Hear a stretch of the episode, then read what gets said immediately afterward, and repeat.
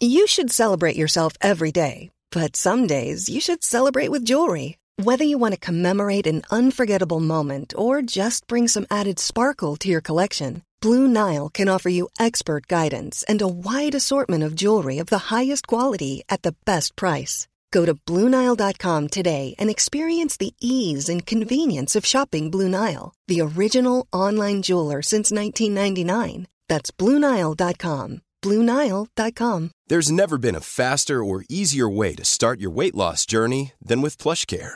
PlushCare accepts most insurance plans and gives you online access to board-certified physicians who can prescribe FDA-approved weight loss medications like Wigovi and Zepbound for those who qualify.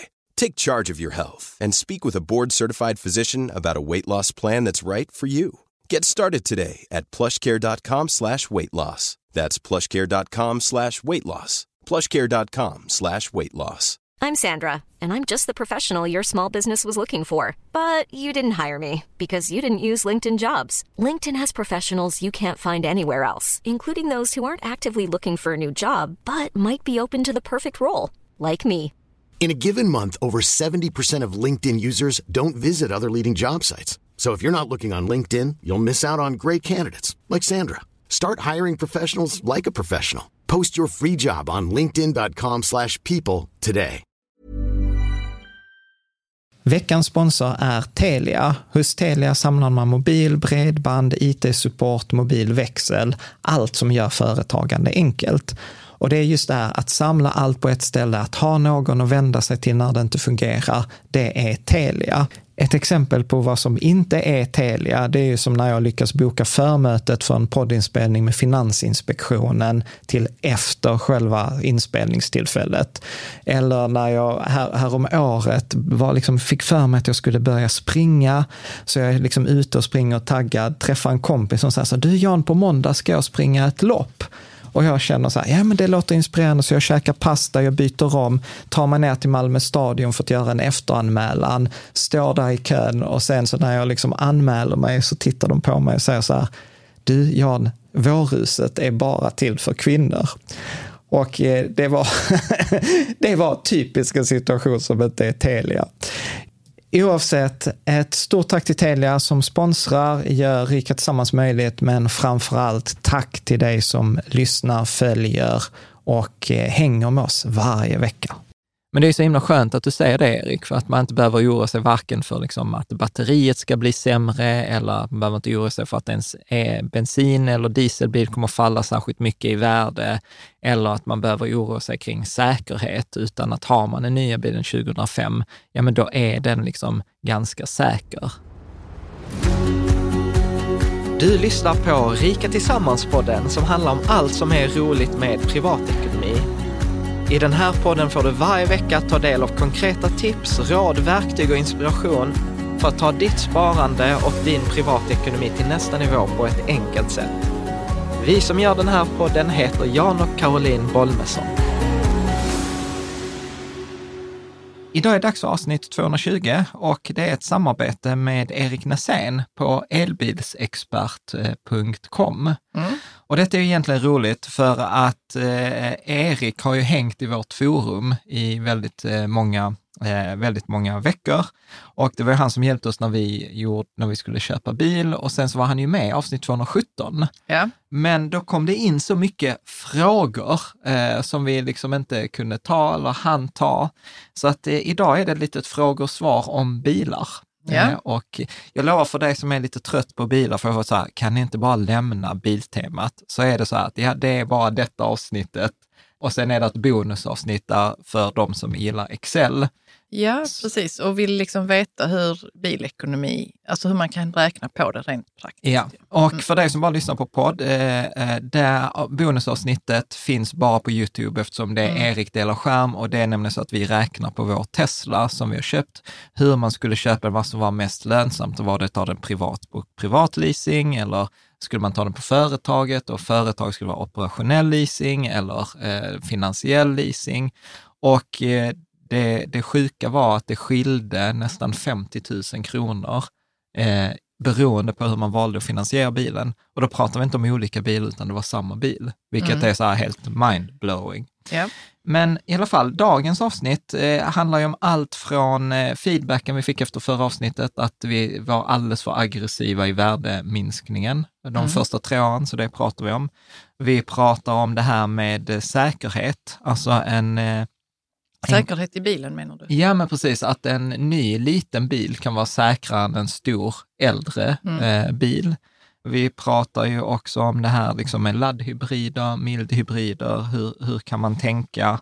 Eh, och sen så pratar vi ju mycket om det här med eh, att just med bil, det som är klurigt är att det är så många områden som liksom, Som skär ihop? ja, som kommer, kommer, kommer ihop. konvergerar ihop. Ja. Ja, Mm. precis. Att det handlar om allt att kunna, liksom, kunna bilbranschen, vilka bilar, bilalternativ, till att kunna liksom, finansieringsalternativ, till att kunna Mm. skatt, eh, till att liksom... eh, Känslomässigt också förstå sig själv. Eh, liksom, eh, ja. Det är Precis. både logik och känsla som går ihop Ja. i ett bilköp. Ja, men precis. Och sen pratar vi lite om batterier, lite blandat. Så att, Mm. Det som slår mig är ju eh, hur extremt mycket Erik kan om bilar ja, och bilekonomi. Hur man räknar på olika Ja. sätt att köpa bil. Och, ja.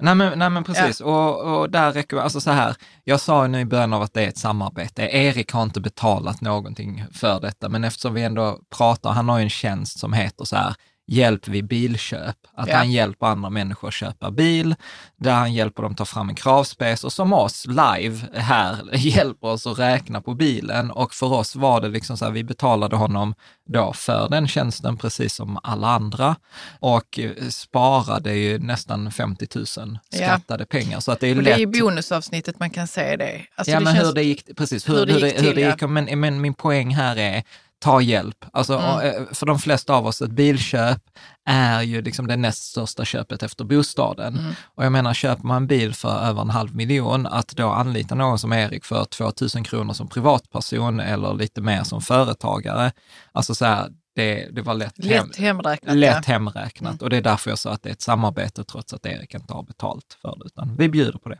Mm. Men jag tänker så här, vi behöver inte eh, prata... Återge det. Nej, vi låter Erik eh, komma med sin entusiastiska Ja, och man, attityd och eh, sin kunskap. Ja, och vill man ha fler frågor till Erik, skriv i forumet. Där heter han Skuggstomten av någon anledning. Men, Ja, eh, Vi har inte frågat honom om varför han heter Nej, det. jag Det tänkte, blir ett annat avsnitt. ja, bra, då kör vi. Varmt välkommen tillbaka Erik Nassén. Du har ju en bakgrund från Försvarsmakten, du har läst eh, ekonomi på Handelshögskolan och sen de senaste åren så har du arbetat som bilrådgivare och elbilsexpert. Eh, något, jag vet just det här med elbil, något som ligger dig varmt om hjärtat, som du dessutom har skrivit en bok eh, om och har skrivit jättemycket info på din hemsida elbilsexpert.com. Och sen så var du ju med eh, i avsnitt 217 häromveckan eh, där vi pratade om tips vid bilköp och privatleasing. Och sen eh, så numera så hjälper du även liksom både privatpersoner och företagare att rent konkret faktiskt köpa bil genom att liksom hjälpa dem räkna och ta fram en kravspecifikation. Din sån här hjälp vid bilköp-tjänst. Eh, så att varmt välkommen tillbaka Erik. Tack. Är det något du vill lägga till i presentationen? Nej, det, det, det, det blir bra. ja, men vad bra. Men du, jag tänker ju så här, just eh, om vi, för, alltså när vi började vår process, alltså jag trodde ju aldrig att det skulle vara så klurigt, just det här med att köpa bil, utan man tänker så här, hur svårt kan det vara? Eh, och sen så inser jag så här att efter att fått hjälp av dig och fundera så är typ bilköpet, det är typ näst största köpet man gör, förmodligen jämte Ja. sitt eh, boende. Och du skrev på din hemsida så här att det som är klurigt med bilköp, för du satte ju mer ord på det, är att det Ja. skär så många olika områden. Mm. Kan du inte säga någonting eh, mer om det där? Jag tänkte, och så- du sa livsstil, jag höll faktiskt ett tal en gång och läste retorik som hette Ditt livs näst största affär var att köpa bil. Jag pluggade. Men, nej, men att just det att det, dels rör det ju så att säga ekonomi som kanske är lite i fokus här. Sen, sen är man ju mer eller mindre bevandrad i, i, i bilar, alltså Mm. tekniskt. Men sen när, det börjar, när de börjar bli begagnade så blir det på något sätt nästan sannolikhet för vad som händer med dem. Och när man då börjar blanda in ekonomi, andrahandsvärden, det är ju också en färskvara vad som händer på marknaden och sen har du om det då skär det mot företag och allting, då kommer det in det här med skatteregler, olika leasingupplägg. Vad, senast i morse då i de skriver så här, vad menar de då? Mm. och, och, det blir ju lätt det att de som är i, i en viss bransch, de använder liksom lite vad ska kalla det, fackuttryck och sen utgår från att alla fattar vad det är. Så kanske man slänger in ett par fackuttryck efter varandra och, och då, då, då, då börjar det bli svårt. Då tar man då skatteregler, Skatteverket är inte heller så himla tydligt, de är egentligen jättekrångliga, just när det gäller bilar, för det finns så mycket pengar att spara och så många har provat olika saker genom åren, vad man får och vad man inte får och allt sånt där. Så det, och då blir det många vinklar av det som gör det krångligt. Och är det inte ofta så upplever jag också att man är duktig på en av, så att antingen att man har ett stort bilintresse, så är man ja. jätteduktig på det. Man kan allt om Blocket och bilar och mecka och som någon skrev på forumet, ja men Jan, du kan privatimportera Lambdason från Tyskland. ja. Och jag var bara så här, äh, jag har ingen ja. aning. Men, men sen är man kanske inte duktig på så här 3.12-reglerna eller liksom skattesubventionerna eller det. Och att det krävs liksom att man ska vara lite så här multikonstnär. Ja, jag sa något så här, liksom det, det, man har ofta kanske någon kompis som kan bilar så frågar man den och så får man mer eller mindre bra råd. Men, men de kanske inte är duktiga på ekonomi. Det är ungefär som man frågar i, i relationer. Man frågade kompisar när man var 19 mer eller mindre bra råd, vilken tjej och sånt där. Och det var väl kanske inte alltid så klokt. Kanske mamma var bättre på det ibland om man skulle fråga. Så, ja. så, lite så är det att man, man, är ofta duktig på ett område och, och då faller det lite för att man inte har de andra. Ja, uh, och, och nej, jag tänker ju också på det, för att när jag läste din sån lista på hemsidan så tänkte jag också, också att ja, men så här, det emotion, den emotionella aspekten är ju liksom jättestor uh, också. För att om jag ska citera här en person som skrev på, uh, på, på Youtube, Annekron1, han skrev så här, mycket logiska diskussioner, bra jämförelser i förra avsnittet som sen landade, äh, vi skiter i det och tar den här.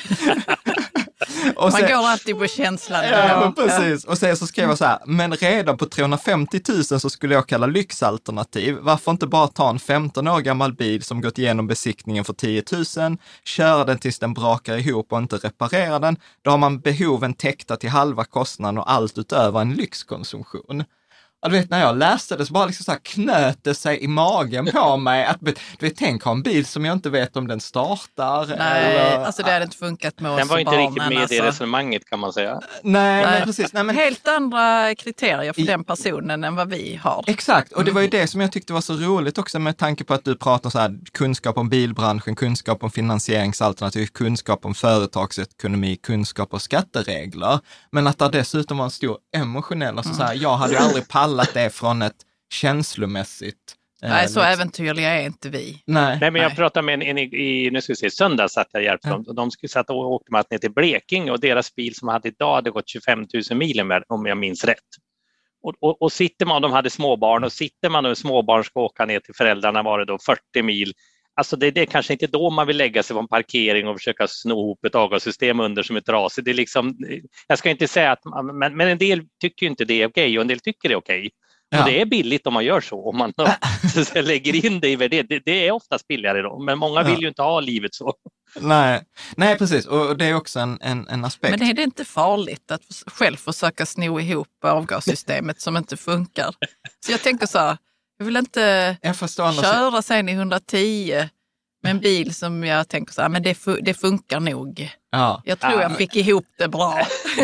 ja, det, det, är ganska få delar på bilen där du skulle kunna säga fuskreparera den så det blir farligt efter vägen. Mm. Utan det är nog bara mer att den stannar av eller börjar låta mycket ja, och sen rasar ner igen. Skönt att höra Erik. Så här, ny term, fuskreparera. Men, men, men ja, jag, jag, jag, tänker så här, vi ska hoppa in rakt in, för detta avsnittet är ju bara frågor från läsare. Ja. Och den vanligaste kommentaren jag fick på, eller vi har fått på det förra avsnittet var till exempel illustreras här av Niklas Krantz. Han skriver så här, var inte värdeminskningskalkylen eh, lite väl pessimistisk, alltså 50 procent eh, minus på tre år. Det gäller väl bara de tre första åren och inte därefter. Och jag kände när jag gjorde den så kollade jag bara på så här, liksom det jag googlade mm. fram. Vad, vad säger du som är expert? Alltså, vad... Alltså några korta, hade vi backat bandet 10-15 år och tittat på en diesel eller bensinbil, då var det ganska lätt för de har sett likadan ut så länge man har statistik, man vet exakt vad som gäller, man vet hur det blir tre år till. När man nu är inne i ett skifte, då, då har till och med även finansbolagen svårt att gissa vad kommer den här elbilen, om vi pratar elbilar, vara värt om några år allt. Men generellt är det ju så att värdeminskningen är definitivt störst i början och sen planar den ut och det var ju kan man säga drivkraften för att köp ingen splitterny bil utan köp gärna en som är något år gammalt så någon annan får ta stora smällen och så blir det bättre. Och, och det, det gäller fortfarande, men skillnaden är mer att de här elbilarna som kommer in nu, de stökar om det för de gamla siffrorna och statistik, det ingen vet riktigt och så är det ett gigantiskt underskott av utbud och sen har Tesla till exempel varit dopad av dollarkursen som gick upp jättemycket som, som påverkar. Så det finns det är massa andra faktorer inblandade, men i grunden så stämmer det ju att det är mycket värdeminskning i början och så faller det sen. Men, men det blir det... mindre värdeminskning sen. Men gjorde jag fel när jag räknade liksom 50 procent? Eh, för jag räknar 50 procent både på begagnad och ny bil. Nej, nej alltså jag tycker det, det beror på vad du menar med begagnad, om den är nästan ny eller om den är, är tar du ja, din tre... gamla Volvo och pratar nej, men... tre år bort, så då kan man ju inte räkna 50. nej, men jag, nej, precis, nej, men jag tänkte en tre år gammal bil, alltså någon som har gått ut ur ett gammalt tjänstebils... Eh, liksom. Var nog 50 kanske lite, lite, lite väl mycket värdeminskning så att säga, på en tre år gammal, för då är den tre till sex år. Men, men eh, generellt är det också så sista året har, har alltså nästan begagnatbilarna gått upp i värde för det har varit som brist på begagnatbilar. Så just nu är hela begagnatmarknaden ganska eh, ur, ur vad, vad kallar det, en anomali i, det är inte så vanligt. Mm. Och därför är det lite konstiga siffror just nu eh, om man tittar och jämför och allting. Och det är bland annat de här elbilarna som ställer till det, att ingen riktigt vet hur men, de ska vara. Men hur, hur kan det vara att begagnatpriserna ja. på diesel eller bensin ökar? Ja, det undrar jag med. Eh, ja, det har, det, man tror helt enkelt att det, att det är kopplat till man säger, utbud och efterfrågan och folk vill byta bil och allt. Och, och någonstans, eh, det har även varit lite export inblandat i det, alltså inte bara elbilar utan även diesel och bensinbilar. Men, men ingen riktigt kan förklara, alltså ingen har nog egentligen en jättebra för, enskild förklaring varför det är så, men tittar man på det, har begagnat bilarna, alltså det har sjunkit väldigt lite senaste åren. Och en del som köpte, jag har en svåger som köpte en bil för ett år sedan, vi tittade på nu, han skulle i princip få igen samma, en begagnad alltså, en tre år gammal.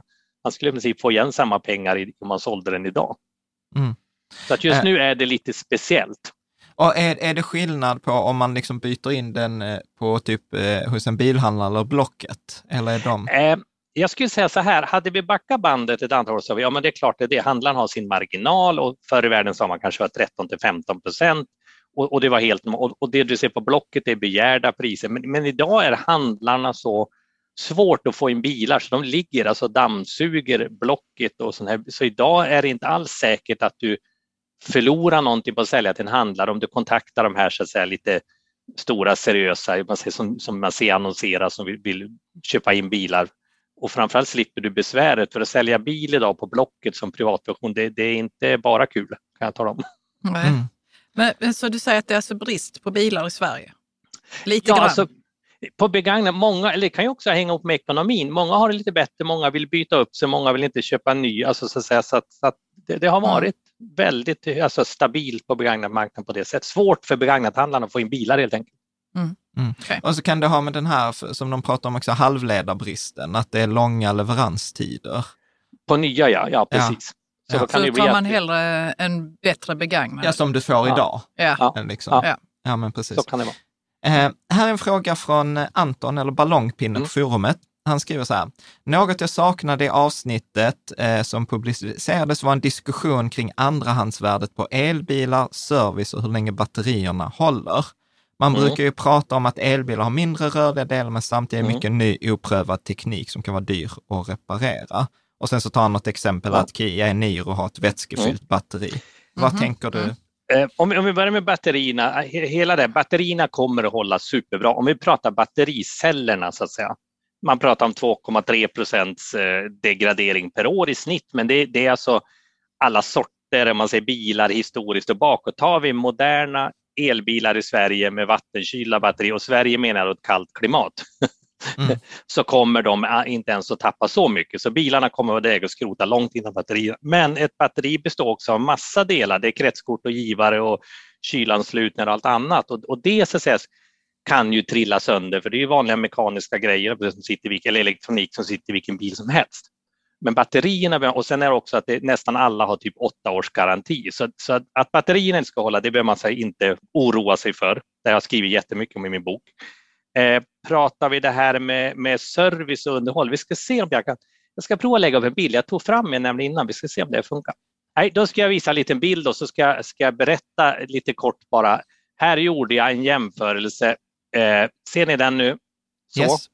Jag tänker en sån här fläkt som står i en industri och går dygnet runt, en elmotor som driver den. Går den mm. dygnet runt i ett år så är det 8760 timmar.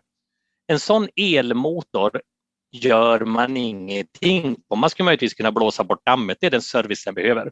Mm. Tar man då en bensin eller dieselmotor, alltså 8760 timmar, det motsvarar ungefär 48 000 mil på en bil.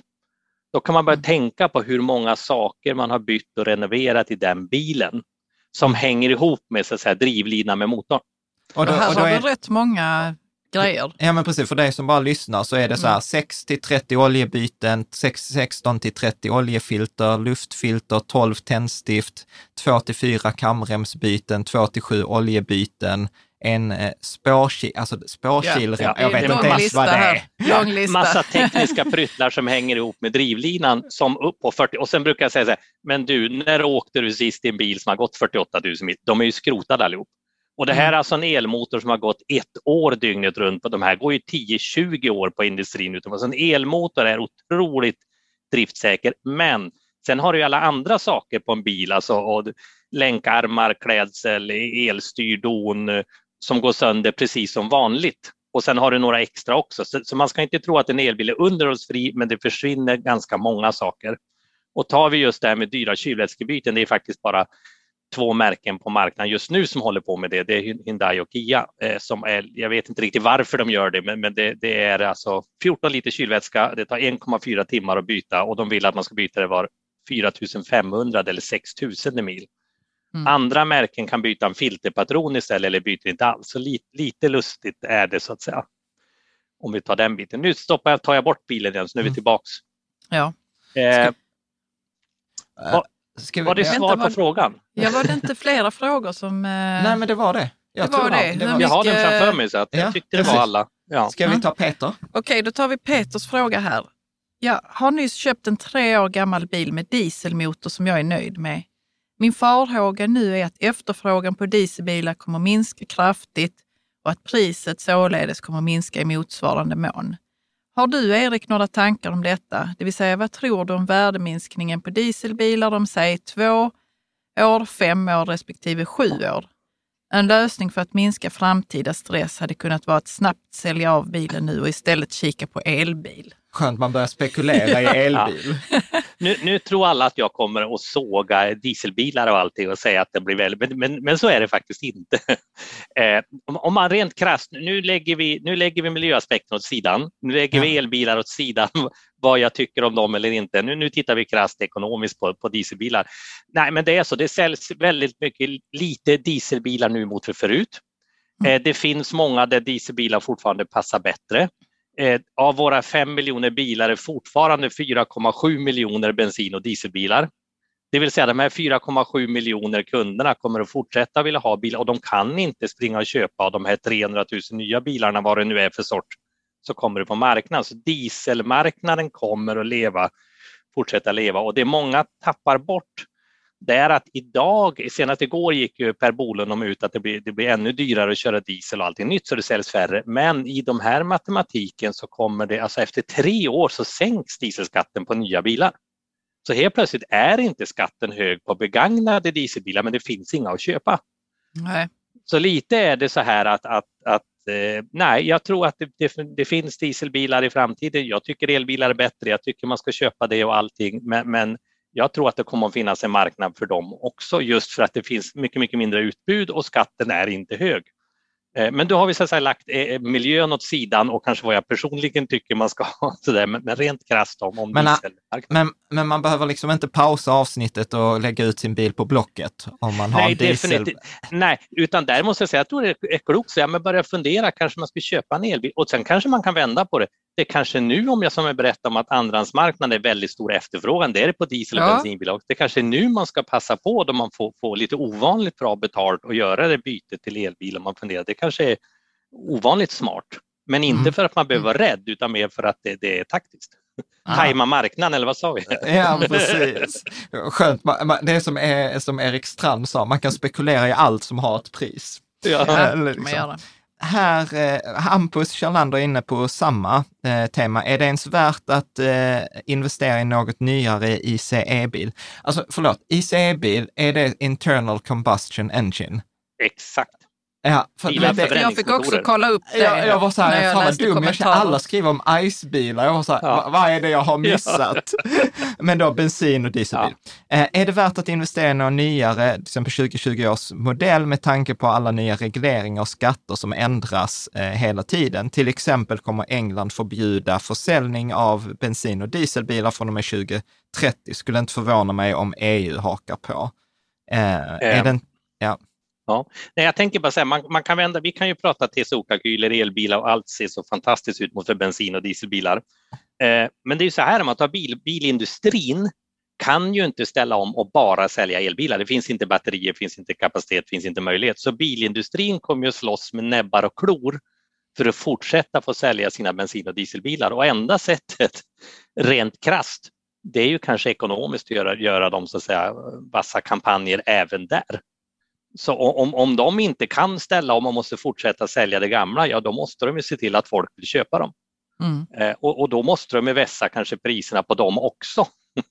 Så mm. igen, när vi släpper miljön och när vi nu pratar ekonomi så, så, så, så, kanske inte alltid kommer att gå så fort åt det håll som politiker och många önskar och, och kanske för miljöns skull man skulle vilja, men, men rent krasst så det kommer att ta tid den här omställningen. Mm. Men, men det låter som att det kommer bli olönsamt på sikt för eh, biltillverkarna att göra eh, ICE. Ja, eller, eller säg så här, de skulle nog helst vilja bara kunna slå om en knapp idag och bara göra elbilar, men, men mm. de, sitter, de sitter fast i kontrakt, utvecklingskostnader, underleverantörer, fabrik, alltså man, och, och får inte tag i batterier så man kan inte, man kan inte växla över. Så, så där är lite trickigt att hålla liv i det gamla och samtidigt börja få upp det nya så fort det går. Mm. Mm. Precis. Okej. Okay. Eh, nu ska vi se här vad det... Ja. Nu har vi Larsson C. Vi undrar så här. Jag vill ha en diskussion om vilken elbil som, som har bäst respektive sämst andrahandsvärde. Eh, premium, mellan och budget, det vill säga vilken elbil ska jag ta bilån för och vilken elbil ska jag ta pri privatleasing på? Eh, om, om vi släpper privatleasing och bilån till att börja med och så pratar vi andrahandsvärden. Mm. Må, många mm. tror ju att andrahandsvärden, alltså men det är bara för en e-bil, men det är som att tro att din fru är lik min fru. Alltså, men, människor är olika, bilar har alltid varit olika och backar vi bandet och bensinbilar då fanns det stora, små, korta, tjocka, långa, smala subbar, allt möjligt. Och att tro att elbilar är same same bara för att de är elbilar, då lurar man sig själv. Det är bara för att det har funnits så få. Men om man ska lite kategorisera ska jag säga så här billiga, eller man får tänka så här, om man pratar andrahandsvärde, vem är andrahandskunden? Andrahandskunden är nästan alltid en privatperson. Vad ska privatpersonen ha det till? Antingen ha det som andra bil, då går det bra med en liten, då behöver man inte bry mig om räckvidd, men jag vill inte ens kosta så mycket. Så det är en kategori om du hittar en bil, så att säga så. Det andra är familjebilen, då behöver den vara stor, gå att använda till allt och åka på semester. Och då kan man vända det till nya bilar. De små bilarna som är billiga, de får bra andrahandsvärde för att de funkar även bra begagnat för de räcker till, de var billiga från början och de faller bara lite grann och det är billiga servicekostnader och allting. De stora dyra som funkar som familjebil, de kan man också säga har bra för de funkar som en dyr familjebil för andrahandskunden också och då är den beredd att betala för den. Problemet blir de dyra elbilarna som inte så att säga, funkar som familjebil för att de kanske har för kort räckvidd. De kanske är för små och de blir för dyra att ha som andra bil. Så jag skulle säga att de här dyra första generations elbilarna som kostar en 400 000 men som är små med kort räckvidd, de rasar ner och blir familjens andra bil och de tappar mycket i värde. Men de andra som var billiga från början, de är fortfarande billiga men det var inte så mycket pengar och de dyra de funkar fortfarande, kanske åka långt med och allting. Så, så därför blir det lite vad som är vad och det är också så att om man tittar framåt Eh, idag är det sån efterfrågan och nu pratar man om att dra ner subventionerna senast igår lite grann och det gör ju att andrahandsvärdet på kort tid hålls ju upp väldigt mycket. Så mm. när man då tittar kanske om man ska lisa på tre eller fyra år, då som jag sa kanske bilindustrin börjar kriga med andra bilar, kampanjer och allting. Då kanske det är tryggare att ha en, med en konsumentlease med fast restvärde, men ska jag bara ha den i ett år, ja men då kanske jag skulle törs chansa att köpa den betydligt lättare. Grymt, vilket mm. bra svar. Men vad är en liten eh, bil? Eh, första generationens, sa du? Jag tänker en, en e-golf, Nissan Leaf, eh, om jag ska ta en mm. mm. Mitsubishi e-Mie, det var en liten, liten skorpskrin som ser ut som en liten cykelbil nästan, som kostar nästan 400 000 och fanns för tio år sedan. Och de här bilarna kostade kring 400 000 men i praktiken så kom det 7, 8, 10 mil med dem. Och det var ja. en typisk sån familj vi ser som, som andra bil idag, alltså som man kör omkring och skjutsar barnen. Och det är inte familje, det är inga kombis, det är inga stora suvar eller något där. Och motsatsen är ju kanske med Tesla och, och laddhybriderna som är kombi och liknande. Mm. Ja. Okay. Bra. I Sebastian Gustafsson, i förra avsnittet diskuterade ni inte begagnad elbil som ett alternativ eftersom utbudet var dåligt. Utifrån ett TCO miljöperspektiv borde väl det vara bäst, framför allt om man har tänkt äga den till slut. Vad tänker du Erik om det? Eh, helt, helt rätt tänkt. Eh, tittar du idag, ja, faktiskt, tittar du idag på begagnade elbilar och, och igen tänker vad du, användningsområdet blir då, så att säga, vad du ska ha. Har du klarare med en kortare räckvidd så är det bättre att köpa en sån begagnad elbil för 170-200 000 än köpa en ny för 400 Men nu är grejen att de här nya vassa konsumentleasingerbjudandena, när de är då lite skruvade, då kanske du kan få för 2000 2600 konsumentleasa en splitter ny med liksom bättre räckvidd, fulla garantier, du behöver vara halvförsäkrad, det är nya vinterdäck och sommardäck och allting och service ingår och allting. Så att det, det, blir ändå en liten twist mot att just att det även det kommer mer sådana bilar som blir då billiga. Mm. mm. Okej, okay. ja men bra. Eh, TCO, vad stod det nu för? Eh, var det det att man gjorde en kalkyl på ja när man skulle köpa sin bil? Det står för total cost of ownership. Man lägger ja. ihop alla kostnader för ägaren. Så ja. att då får man. Perfekt. En fråga från Henrik F. Ni pratade mm. inte så mycket om hybrid eh, i förra avsnittet utan mest i ICE eller elbil. Finns det något man kan säga om vad som är bäst generellt? Eh, nu börjar jag tänka undra, för man får, hybrid i min värld det är sådana här bilar som inte går att ladda och, men nu vet jag inte med det han menar, men vi börjar med dem. Det, det är alltså Toyota har ju varit jättelänge på sådana och Alltså en hybridbil eller en mild hybrid någonting, det är ett sätt att få en, en snål bensinmotor. Man sparar lite bränsle. Sen mm. gör man det kanske jättebra och Toyota var jätteduktig på det och allting och sånt där. Men, men det är alltså ett sätt att få ner bränsleförbrukningen. Men, men du tankar aldrig el från eluttaget utan du kör på bensin och så bromsar och sen kanske råkar återvinna som el, men det var ju bensin från början. Mm. Så det blir ju lite som Robert Gustafsson fulöl, det blir fulel brukar jag skoja säga, för att det var bensin från början. Tar du då de laddbara eh, eh, plug-in hybriderna som jag kallar dem, eller, eller laddhybriderna eller PHEV eller så, liksom du stoppar in sladd, då har du möjlighet att ta, ta fin el från vägguttaget och köra på den elen. Och då, kan du, då kör du omkring som en elbil de facto. Eh, så med en sån med rätt körmönster, den kan, den kan vara väldigt bra alternativ och när man då åker långt då kör man med bensinmotor. Ja. För att det var, det var en fråga som jag var på en middag och så pratade mm. vi som sa så här, ja men till exempel om man ska åka upp till fjällen så, så kommer förmodligen elbilar inte funka för att du vet, alla ska upp samtidigt och de få mm. laddstationerna ska alla stå där i kö. Och sen var det så här, ja hur ska de ens kunna få upp infrastruktur för att dra upp all den elen som bara används under några mm. veckor under året? Och då var det flera av dem som var så här, nej men därför går elbil bort för oss, utan mm. vi, vi vill ha en plug-in. Man kan säga att tankarna kring det, det är lite ungefär som mobiltelefontillverkarna hade för 20 år sedan. När det var O-ringen någonstans ute i Usko, hur fick de mobiltelefontäckning där? Eller när det var SM-vecka någonstans eller eh, Gothia Cup, jo då ställer man dit tillfälliga liksom, mobilstationer och likadant är det kanske så man får jobba till påsk eller när, eh, då får man ställa dit en till. Egentligen tänker jag som en liten batteri, eh, UPS eller vad heter det, powerbank då till telefonen. Tänk dig gigantiska sådana i stora containers och så ställer man upp dem där just påskveckan. Och då kan du komma 20 bilar kanske dunka i ström och sen när det inte är någon, då ligger det och tuggar på ungefär som ett vattentorn. Då fyller du på lite långsamt och behöver inga gigantiska matningar. Och sen då till midsommarveckan har de där på Öland istället. Det är ju ett sätt. Och det andra är att det byggs ut hela tiden, så att säga, laddnätverket. Men det är ju de facto så att vi, vi har, det är en liten utmaning att åka skärtorsdagen. Ja. Det är ju ganska många som vill åka just då. Ja. Och det jag har skrivit om i, i boken där, då, då, gör man påskpyssel i Sveg, för det fanns det en laddare till fyrfasens energi, men nu tror jag Tesla har 12 laddare där, men de andra får ju slåss om det där enda då Om de nu mm. lyckas få igång den och inte plogkillen har råkat ploga sönder den. då, då, blir det jobbigt. Så, så någonstans, jo, jo, så är det och en laddhybrid blir ju ingen inskränkning då, ja men då tankar du bara bensin och kör. Men jag tycker det, det, det, det, är ändå inte det som ska avhålla en från att köra elbil, för räckvidderna börjar vara idag på de här stora, du kanske bara behöver ladda en gång och lite smart och då tar du upp ändå. Eh, men finns det sådana stora powerbanks som man kan eh, flytta runt där det behövs? Ja, alltså de har redan, alltså det har de haft på man säger, försök eller det har man testat. Vattenfall har kört, jag har faktiskt skrivit om det i min bok och Audi har mm. kört och jag var, undrar om det var en SM-vecka uppe i Åre eller något sånt där. Eh, tar du ner i Mjölby nu, det, det är ju inte riktigt en sån då, men där har man ju satt upp en tillfällig laddare. Då var det Polestar och Volvo som gick ihop gratis mm. laddning med folk som hjälper en till och med att stoppa i sladden och du kan fika mackor och du, naturligtvis kan du provköra Volvo Polestar. Där. Det är ju lite ja, tanken. Då. och, och där tror jag Smart. kanske, nu minns jag inte om de har löst det med, med att de har jättegrova ledningar dit eller om de har gjort det med hjälp av sån här eh, som en powerbank. Då. Men, men ja. så det är inget konstigt, det är ingen avancerad teknik och, och det finns redan så att säga hur man ja. gör. Så det är inget Men vad är det för powerbanks? För jag... Alltså det, det är sådana fraktcontainrar. Ja, men tänkte jag, jag exakt. Ja, vem gör sådana? Ja, men det är väl någon, typ Fortum ja. kanske? Nej, och ja. det är också ett av användningsområdena man ser på begagnade elbilsbatterier. När bilarna skrotas, in med massa batterier i en container, använd den för att jämna ut så att du inte måste liksom tanka jättemycket effekt från elnätet när det kommer många elbilar.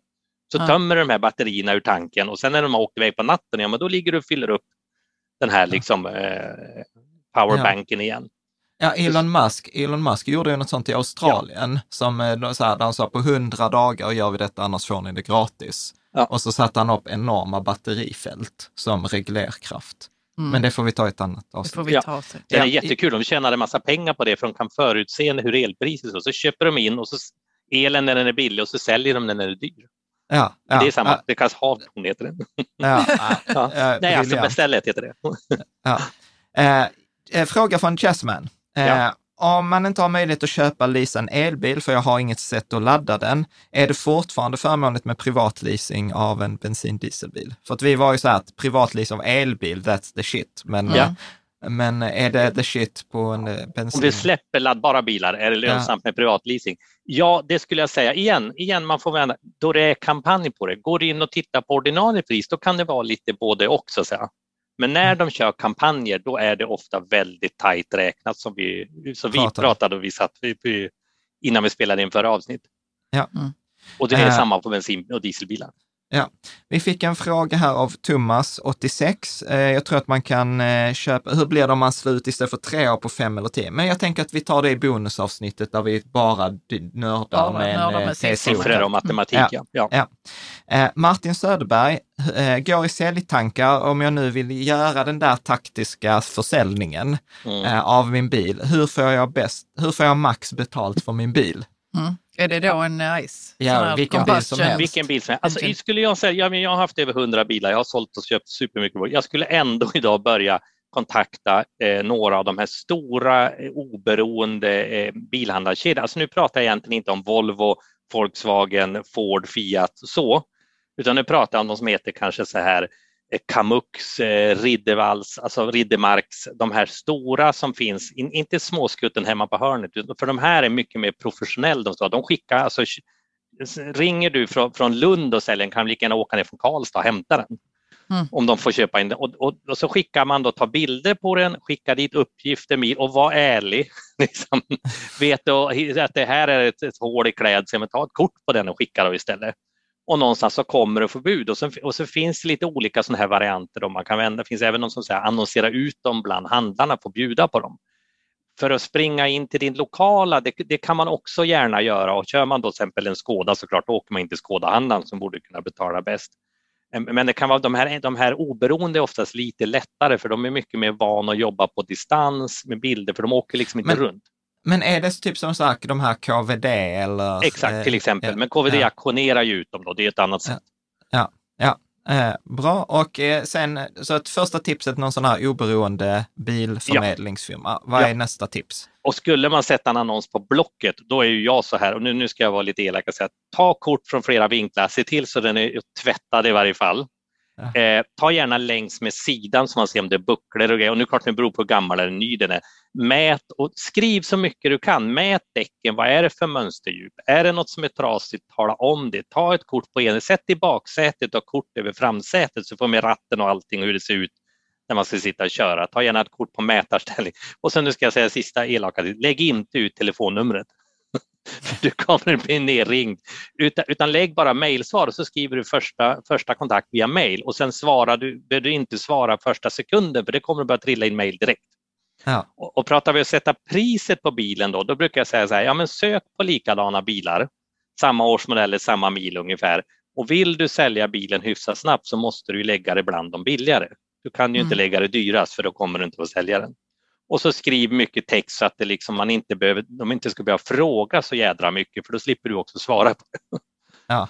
Och sen brukar jag säga också, se till att, och så skriver man så här, betalning endast via Swish, banköverföring liknande. Man, man håller inte på med, med kontanter, det blir inget bra. Och inga byten och inget skicka iväg och inget Ja, det finns massa Nej. varianter då. Nej, men det är bra, det är effektivt. Jag tycker inte det är elakt. Det är effektivt och väl beprövat ja. detta. Och, sen, och så lägger du din tid på hitta någon seriös av de här. För, och jag brukar säga så här, om de inte ens skriver sitt namn eller hej, de bara skriver sista priset? frågetecken. Det behöver du inte ens bry dig om att svara på. Men säger de hej, jag heter Bengt, lite jag min fru ska. Ja, jo, men lite sådär. Och det tror jag är lite sådär Facebook, för där är man ju känd om man lägger ett inlägg och så man slutar göra det även i mig, men jag har ingen aning vem som skriver till mig. Och gärna telefonnummer ska de lämna, för då känns det mer seriöst. Ja, ja men grymt. Bra här har vi också eh, Rasmus, eller Rusmas, mm. är nog lite utanför huvudämnet eh, privatleasing nybilsköp, men jag undrar hur, lite hur man kommer undan så billigt som möjligt med bilägande för någon som gillar skruva lite själv och inte är i behov av de nyaste bilarna. Alltså om vi bara ska maxa liksom ekonomiaspekten, det är så, så billigt som möjligt, förutom då när, liksom tipset som är så här, köp ja. inte en bil. Nej, om vi vänder på det. Vad, vad, om man, och nu var ju det här en kille som, jag antar att det var en kille som gillar att skruva, eller kan tänka sig att skruva själv i alla fall, skruva ja. lite själv. Ja. Då, då ska jag säga, köp någon beprövad modell som inte går sönder, som inte är krånglig, som inte har 10 000 finesser. Till exempel någon halvtråkig Toyota. Nej, men någonting så här, men den är beprövad, det funkar det, det. Beställ delar på nätet och du köper hem delar, sådana autodock eller något sånt där. Är och, det den här Tysklands grejen? Det är den Tysklands grejen. Och kanske köp en reservdelsbil. Så du har en bil du kör med och så har du en likadan bil som kan stå bakom garageväggen. Så när någon grej går sönder på din bil, då kan du bara knalla bakom garageväggen och så skruvar du samma del på den bilen och sätta i din bil du kör. Men är det så billigt att göra så egentligen? Ja, men om de kostar 10 000 var. Ja. ja. Du kan få ja, många gånger bakom garageväggen och hämta många grejer. Ja. Mm. Det, ja. det, är nog det billigaste så att säga och, och, och, sen mycket söka på internet för mycket går ju, alltså, när det går sönder och många gånger alltså, med elektronik, då kan, om man klurar kan man hitta felet i dem men, men då, då, det är ju tid och insats istället man får göra. Ja. Mm. Ja, ja, men det är roligt. Eh, vi är inne lite ballongpinne här, Anton. En fråga till eh, som var inne där på batterier. Han var degraderingen, jag tror att du sa 2,5 procent på 10 år. 2,3 procent för år finns det undersökningar, men det är alltså, då är det även batterier som är luftkyla, det är batterier i Kalifornien och allting. Och skulle du titta på moderna batterier mår dåligt av värme helt enkelt. Och, och tar du då de som är luftkylda i Kalifornien, de har ju problem att det blir för varmt. Tar du då vattenkyla i Sverige, för det första är det inte varmt ute och för det andra så har du vattenkylning. Så då skulle man titta bara på de bilarna så skulle antagligen vara en ännu lägre siffra. Mm. Så min gamla eh, bil jag har, den som är på boken, då, den har ju alltså 97 procent kvar efter 12 år. Den fyller 12 år nu om en månad ja. ungefär. Och den, det, det, var den första Teslan, eh, ja, Roadstern? Ja, det är den, Roadstern. Då, så att, ja, ja. Eh, så att det, så att, Ja, för ja. att han skrev här att jag, men, jag har en bekant som köpte en Volvo hybrid för åtta år sedan ja. och fick byta batteri. Jag vet inte är det om det den? var det. Ja. ja. Då ska vi se. Jo, och då är det lite så här, då ska man säga, nu, alltså nu, nu är det här ingenting allmänt, men hybridbilarna, de också, det, det jätte, funkar jättebra, de har jättemycket marginaler, det är inga problem. Däremot brukar det inte vara samma garantier på de batterierna som det är i de laddbara elbilarna. Så det kan skilja att han fick betala batteriet, det var för att det var en hybrid. Och ganska troligt var det inte battericellerna utan det var säkert något annat fel inne i lådan där den sitter och så fick de byta alltihop. Mom deserves the best, and there's no better place to shop for Mother's Day than Whole Foods Market. They're your destination for unbeatable savings, from premium gifts to show-stopping flowers and irresistible desserts. Start by saving 33% with Prime on all body care and candles. Then get a 15-stem bunch of tulips for just $9.99 each with Prime. Round out Mom's menu with festive rosé, irresistible berry chantilly cake, and more special treats. Come celebrate Mother's Day at Whole Foods Market. Jewelry isn't a gift you give just once. It's a way to remind your loved one of a beautiful moment every time they see it. Blue Nile can help you find the gift that says how you feel and says it beautifully with expert guidance and a wide assortment of jewelry of the highest quality at the best price. Go to BlueNile.com and experience the convenience of shopping Blue Nile, the original online jeweler since 1999. That's BlueNile.com to find the perfect jewelry gift for any occasion. BlueNile.com. Hiring for your small business? If you're not looking for professionals on LinkedIn, you're looking in the wrong place. That's like looking for your car keys in a fish tank.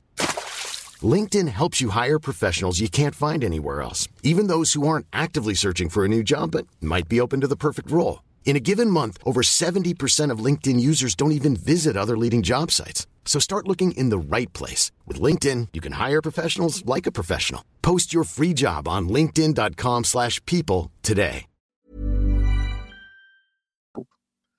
Eh, så att det, det, kan vara någon kontakt eller något kretskort och, och, många gånger så skruvar de inte upp och, och reparerar utan och, och särskilt eh, det finns inte så många, om det nu var en hybrid, var det en ladd hybrid Eh, det var nog mer bara otur, för jag, jag vet och har hört och hur mycket, men, men det, det, är väldigt sällsynt att de går sönder. Så ja, och de har så mycket marginaler, att ingen, de har mycket mer marginaler inbyggt än, än en elbil.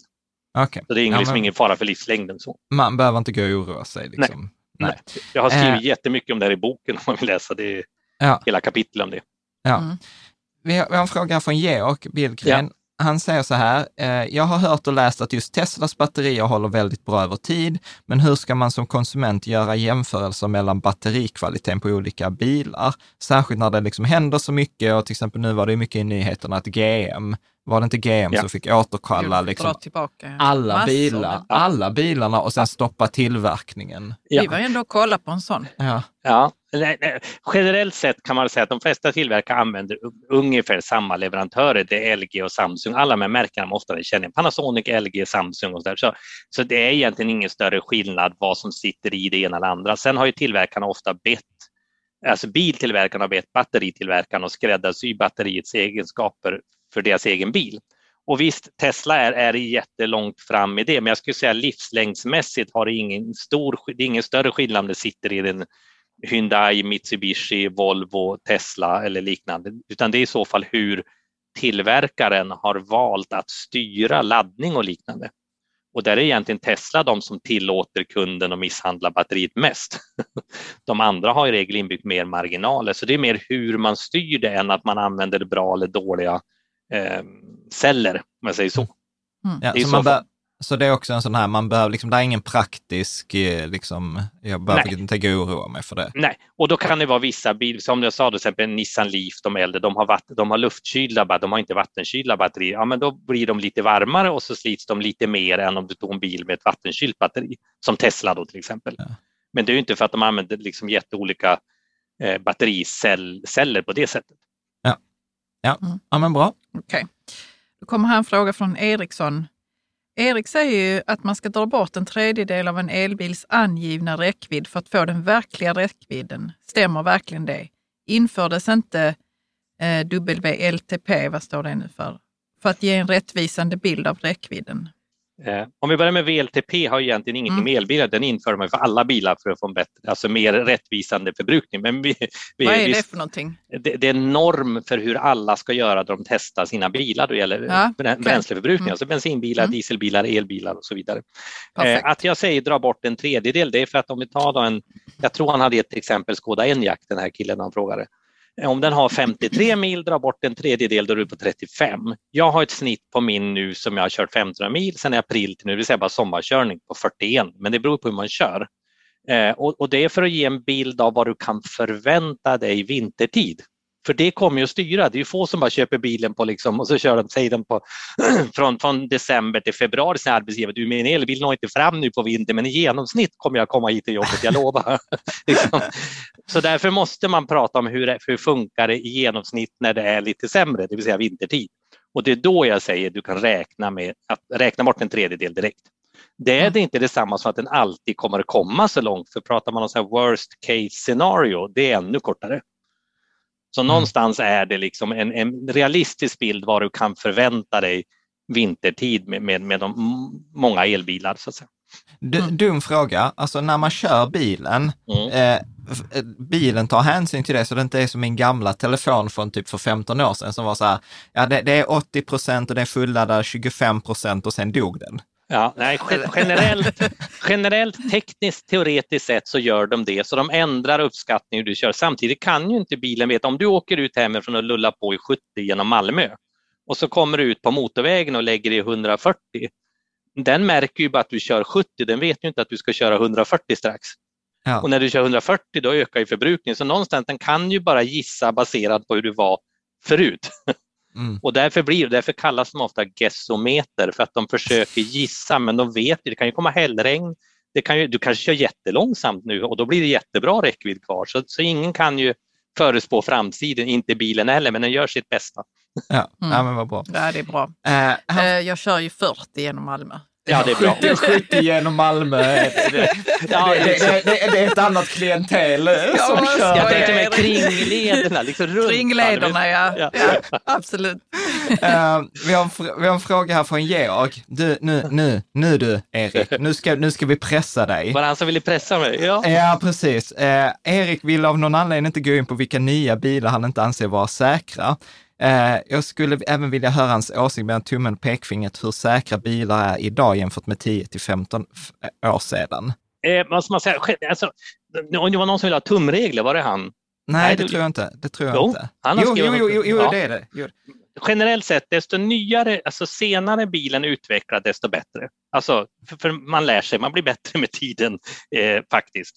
Eh, så desto nyare, och då är det inte liksom att jag har köpt en årsmodell 2019 utan det intressanta är när togs den fram och utvecklades. En del togs ju fram 2005 och säljs fortfarande 2019. Mm. Så mhm. desto senare de är utvecklade generellt, desto säkrare är de.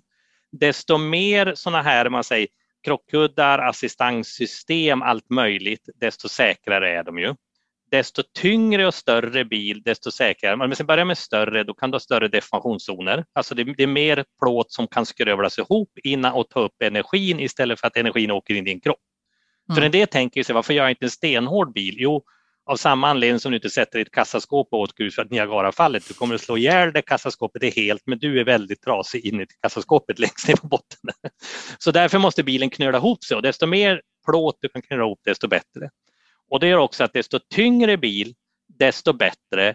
Men det bygger egentligen på att du krockar med någon lättare stackare. För då mosar du liksom den andra och det vinner du på som sitter tyngre. Kör du in i en bergvägg har du inte så jättemycket nytta för berget är tyngre än du. Liksom. Men krockar du med en liten bil då kommer en större och mycket, mycket mer levande energi. Så det kan man mm. säga är lite tumregler. Eh, tar, man sen då att, att det, stora skillnader skulle jag vilja säga, de, de här bilar som är någonstans för 10, 12, 13, alltså mitten av 2005, 2010, där började det bli mycket, mycket högre. Där Euro NCAP började slå igenom. Man började testa liksom mycket mer kanske fokuserat på, på att få till det, krockkudd. Alltså någonstans blev det mycket mer omfattande säkerhetsutrustning. Så är bilen kanske konstruerad senaste tio åren någonstans, då är den klart säkrare än en, en, en som är konstruerad på 90-talet och såldes ända fram till 2003, 2004, 2005. Sen finns det ju vissa märken då som har som fokus. Volvo är ruskigt duktig på, på säkerhet, har alltid varit. Eh, Mercedes har varit, men då kan man ju vända på det kanske man säger så här, lågprisebilar generellt skulle förvåna mig mycket om de haft råd att lägga massa pengar på, på, på att ha superavancerad krocksäkerhet. Eller det kan man säga, så är det ju inte. Ja. Och därför är ju till exempel de kinesiska bilarna kanske många gånger fallerar i test. De, de är uppbyggt billigt. Det kanske också är förra generationens kaross man har köpt från mm. tillverkare från att pressa och det här är egentligen en två generationer gammal, något av någon bil som de stöper om och designar till lite, men i grunden är det en kanske mycket äldre konstruktion. Mm. mm. Så att, att bygga säkra bilar är ganska dyrt. Ja. Eh, för att eh, det var någon som också länkade i forum, alltså jag älskar ju vårt forum, för man, mm. man lär sig så mycket. Där var Rasmus eh, skickade en artikel på Byt bil, som hade en artikel som här, krocka inte i en gammal bil. Eh, och mm. där var det att de jämförde en Toyota Corolla då från 2017 och en Toyota Corolla från 97. Mm. Och samma krock. Och då mm. överlevde du i den nya, men mm. inte i den 20 år gamla. Nej. Nej. Eh, nej, och, sen, och sen var det också att en ny, någonting som förvånade mig, nu var ju sig detta också en tio år gammal artikel från Teknikens Värld, mm. men att en ny liten bil är säkrare än en stor äldre bil. Att då jämförde de en Toyota Yaris och en Volvo 940. Ja. Och, och det har ofta, alltså det har att göra med igen, alltså grundkonstruktionen i Volvo var superbra på sin tid. Men när du till slut ska krocka, då, då kanske en, en, nyare, mjukare med massa krockkuddar och bältessträckare och allt möjligt. Nu hade nog Volvon det också, men alltså massa säkerhetssystem och allting ändå är snälla. Det är även alltifrån att fot, eh, alltså pedalerna, alltså pedalstället där gas och bromspedalen ska flyttas undan och under ratten du kan ha airbags alltså, och, och mycket sånt saknade Volvon. Den hade liksom bara en bra konstruktion och sin tyngd, men det var ändå en gammal konstruktion. Det nya har liksom alla fördelar av nytt, men den var lätt. Och mm. ändå blev det till slut att alla de fördelarna gjorde ändå att det blev bättre än den här. Så, så någonstans, säkerhet är lite färskvara, men jag skulle säga att det hände mer för 15-20 år sedan. Alltså det var större skillnad på den som sa testet då än om du skulle, om du skulle ta idag en årsmält 2011 mot en 2019. Då skulle mm. nog inte uppleva lika stor skillnad, för då är vi lite förbi den här pucken när det började vara mycket mer fokus på det. Och då finns det ju de här Euro NCAP, man kan kolla hur det var. Men det enda man ska vara medveten om att det systemet ändras hela tiden. Så det som var fem stjärnor 2010, eh, det kanske inte alls skulle bli fem stjärnor idag, kanske bara blir tre. Men det är inte att bilen blir sämre, utan det är mer att idag väger man också in där fotgängarkrockskydd, barn i bilen, alltså massa sånt här omkring. Så mm. man gör ett, ett gemensamt förbud. Det, det, gjorde man mindre förut då, så att säga. så då var det mer bara hur föraren överlever. Ja. Men du, Erik, är det sant att eh, eh, passagerarsätet är det sämsta sätet i bilen eh, ur säkerhetssynpunkt? Jag bara Nej, hörde varför, det varför ska man, varför ska, jag, jag vet vänta. inte. Nej, men så, man säger så här, vad är säkraste platsen i en plåtbur? Det är i mitten, om man säger så. Så helst vill du sitta på mitten av stödet. Eh, förarsätet är ju sämre för där har du ratten du flyger in i och du har fotpedaler, mm. du trasslar in fötterna och allting. Generellt sett är sätena fram osäkrare för att du har du är ganska mitt på så här, livet på bilen mellan fram och bakhjul. Det är ganska mjukt. Nu får man ju så här, kompensera upp och göra det så att då blir det ofta styvare i baksätet. Så egentligen allra säkraste platsen i en bil, det är mittplatsen bak. För då har du ett jättestadigt liksom, parti i karossen framför bakhjulen, om jag säger så, där det är väldigt stumt och styvt. Du har många liksom, decimeter fram till dörrarna och allting. Mm. Eh, så, så mittplatsen bak, den brukar man alltid säga är den säkraste platsen. För att du överlevnadsutrymme omkring dig och du sitter i en väldigt, väldigt stark del av bilen. Så ja, passagerarsätet ska jag säga nog inte sämst, det är nog förarsätet är nog sämst. Okej. Okay. Ja, För du har ratten och pedalen du kan mm. trassla in dig i. Mm. Ja, jag läste ju också, eh, apropå det du sa med ett kassaskåp nerför mm. Niagarafallen, det tänker man så, det är ju ingen som gör det. Jo. Men det var ju någon som gjorde det. Exakt. Jag har läst detta. Ja. en tunna var det nog också, ja. men någon kvinna som ja. överlevde detta ja. för att tjäna pengar gjorde hon det. Ni vet den här svenska killen Kenny Bräck som körde Formel i USA. Ja, mm. Alltså någonstans, det är en jätteutmaning. De kan ju bygga ännu hårdare de här små burarna men då är problemet, då kommer förarna bli liksom köttmos in, inuti den buren. Så du kan liksom inte, liksom, du måste tänka på att den stackaren inuti ska överleva där också. Därför måste du få någonting som absorberar energin. Ja. ja. Och det är där det hänger på. Ja. Bra, jag tänker egentligen att vi, vi fortsätter här. Ja. Eh, Bo hade en kort kommentar här också, att han pratade med en trafikpolis som berättade mm. att de hade stannat flera Tesla-bilar som var för tungt lastade. Och han menar ja. att många gånger blir att de blir så tunga av batterierna att man kommer väldigt nära maxvikt om man är typ fem vuxna och bagage. Eller ja, till och med alltså, sju vuxna. Är detta ett praktiskt problem? Både ja och nej, beror på om du ska handla öl i Danmark. Nej, men det är det faktiskt. Ta modell Y nu. Nej, men så här är det. Att, att, att, att du stoppar in ett batteri, det är, det är en vikt som, som är känd av tillverkaren. Så det kan ju tillverkaren bara lägga på liksom kraftigare hjulupphängningar och allting som påverkar hur mycket vikt den ska ta. Problemet är snarast när de, när de gör om en befintlig, exempel en, en bil som finns till en elbil. Eh, för då kanske man inte riktigt från början hade tänkt att den skulle vara så tung. Men lite konstigt är det som Tesla som bara gör elbilar, att man i modell Y tror jag nu var, om man någon hade slagit upp, har ganska låg lastvikt och i, i praktiken finns det fler bilar, man tror oavsett elbilar eller bensin och dieselbilar, jag skulle säga att det är inte ett specifikt elbilsproblem, där eh, vikten, alltså lastvikten, få in fem människor med packning, det, det börjar vara gränsfall. Eh, och det här är samma utmaning som flyget är inför att en genomsnittsflygpassagerare väger inte de där 63 kilo de trodde en gång i tiden, kanske väger 74 eller något sånt där. Att, att vi vill ha mer packning, vi är tyngre och, och jag vet inte riktigt. Och vad är maxvikten? Är den 3,5 ton? Eller vad är det? Eh, ja, och då kommer man in på det här körkortsgränsen eller man säger, i Sverige och Europa att man säger 3,5 ton totalt. Men då är det egentligen, det är ju med, det, det, är sällan det problemet du pratar om, för då måste du dit med en släpvagn. För oftast är totalvikten på bilen, det är den som är problemet, att till exempel en, den kanske är 2,6 ton och så väger bilen 2,2 ton, då är det bara 400 kilo och så ska det vara fem personer med packning och allting. Men en del bilar kan ner mot 325 kilo i lastvikt på bilen. Då är aldrig 3,5 mm. ton ett problem. Okay, så nej. jag tror det finns ingen som slår i taket på 3,5 ton, för de tyngsta de väger ju, det är Tesla X och Audi E-tron väger 2,5, 2,6, 2,7 ton tomt. Okej. Okay.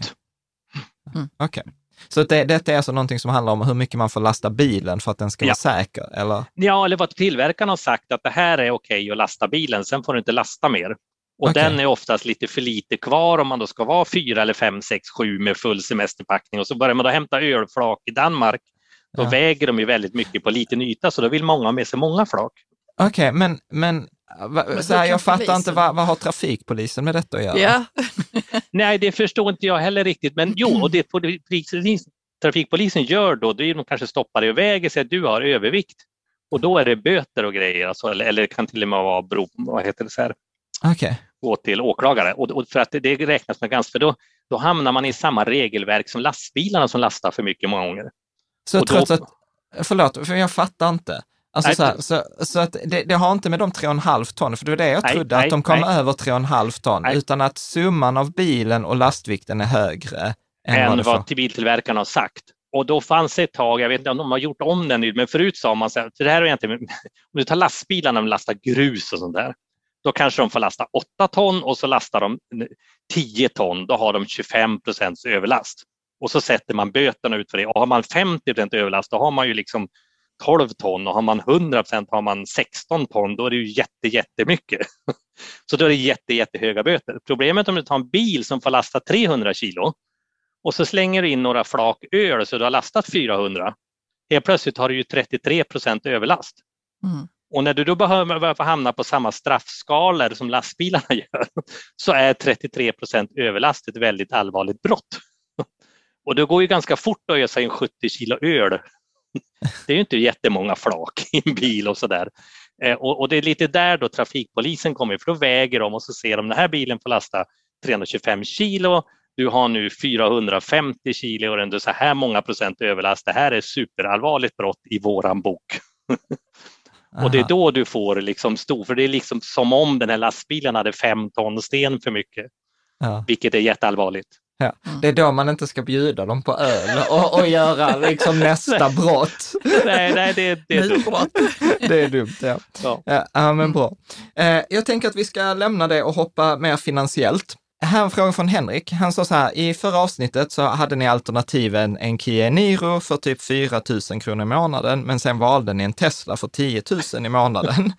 Ja, mm. apropå det, rationellt och sen kastar man ut det genom ja. fönstret. Mm. Men så säger han så här, oavsett vad man tycker om respektive fabrikat och modell så är 6 000 per månad en summa man inte ska förakta då den kan placeras på annat håll. Det är en diff på nästan 240 000 på 36 månader som i sin tur blir ytterligare 500 000 med ränta på ränta. Mm. Hur, hur ska man resonera kring, kring, hur resonerar du kring det där som kan både ekonomi och sparande och inte bara bilar? Då ska vi veta, Jan och Caroline, hur resonerade ni?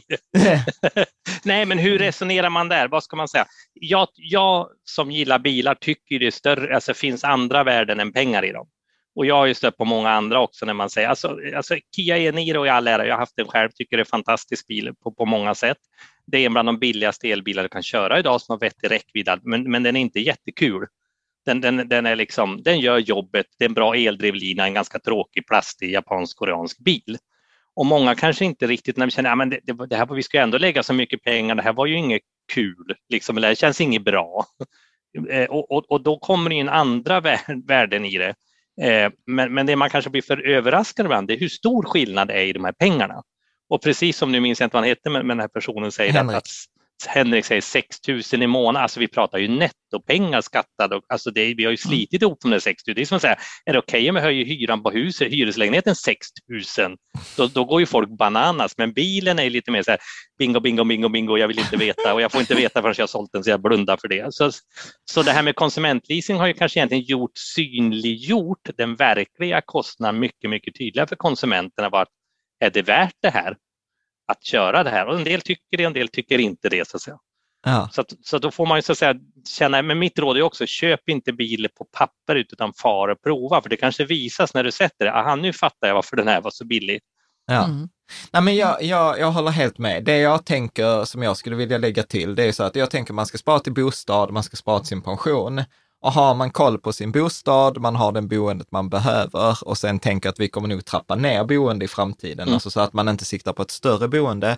Om man har koll på att man kommer kunna klara sig i pension, då tänker jag så då är det ju inte så himla mycket annat. Då kan man gå känslomässigt då kan man, då kan man ju unna sig. Så resonerade ju vi. Ja. Att vi hade ju inte tagit bilen på bekostnad av boende ja. eller någon fram, annan av de trygghetsspelarna vi har i livet. Nej, eller framtid. Liksom. Det, det många kanske inte det man säger, det glömmer lite bort, eller man säger, det, det är att vänjer man sig vid den här kanske mm, bilen, ljudnivån, känslan, kul, cool och så kostar det 5 000 mer i månaden.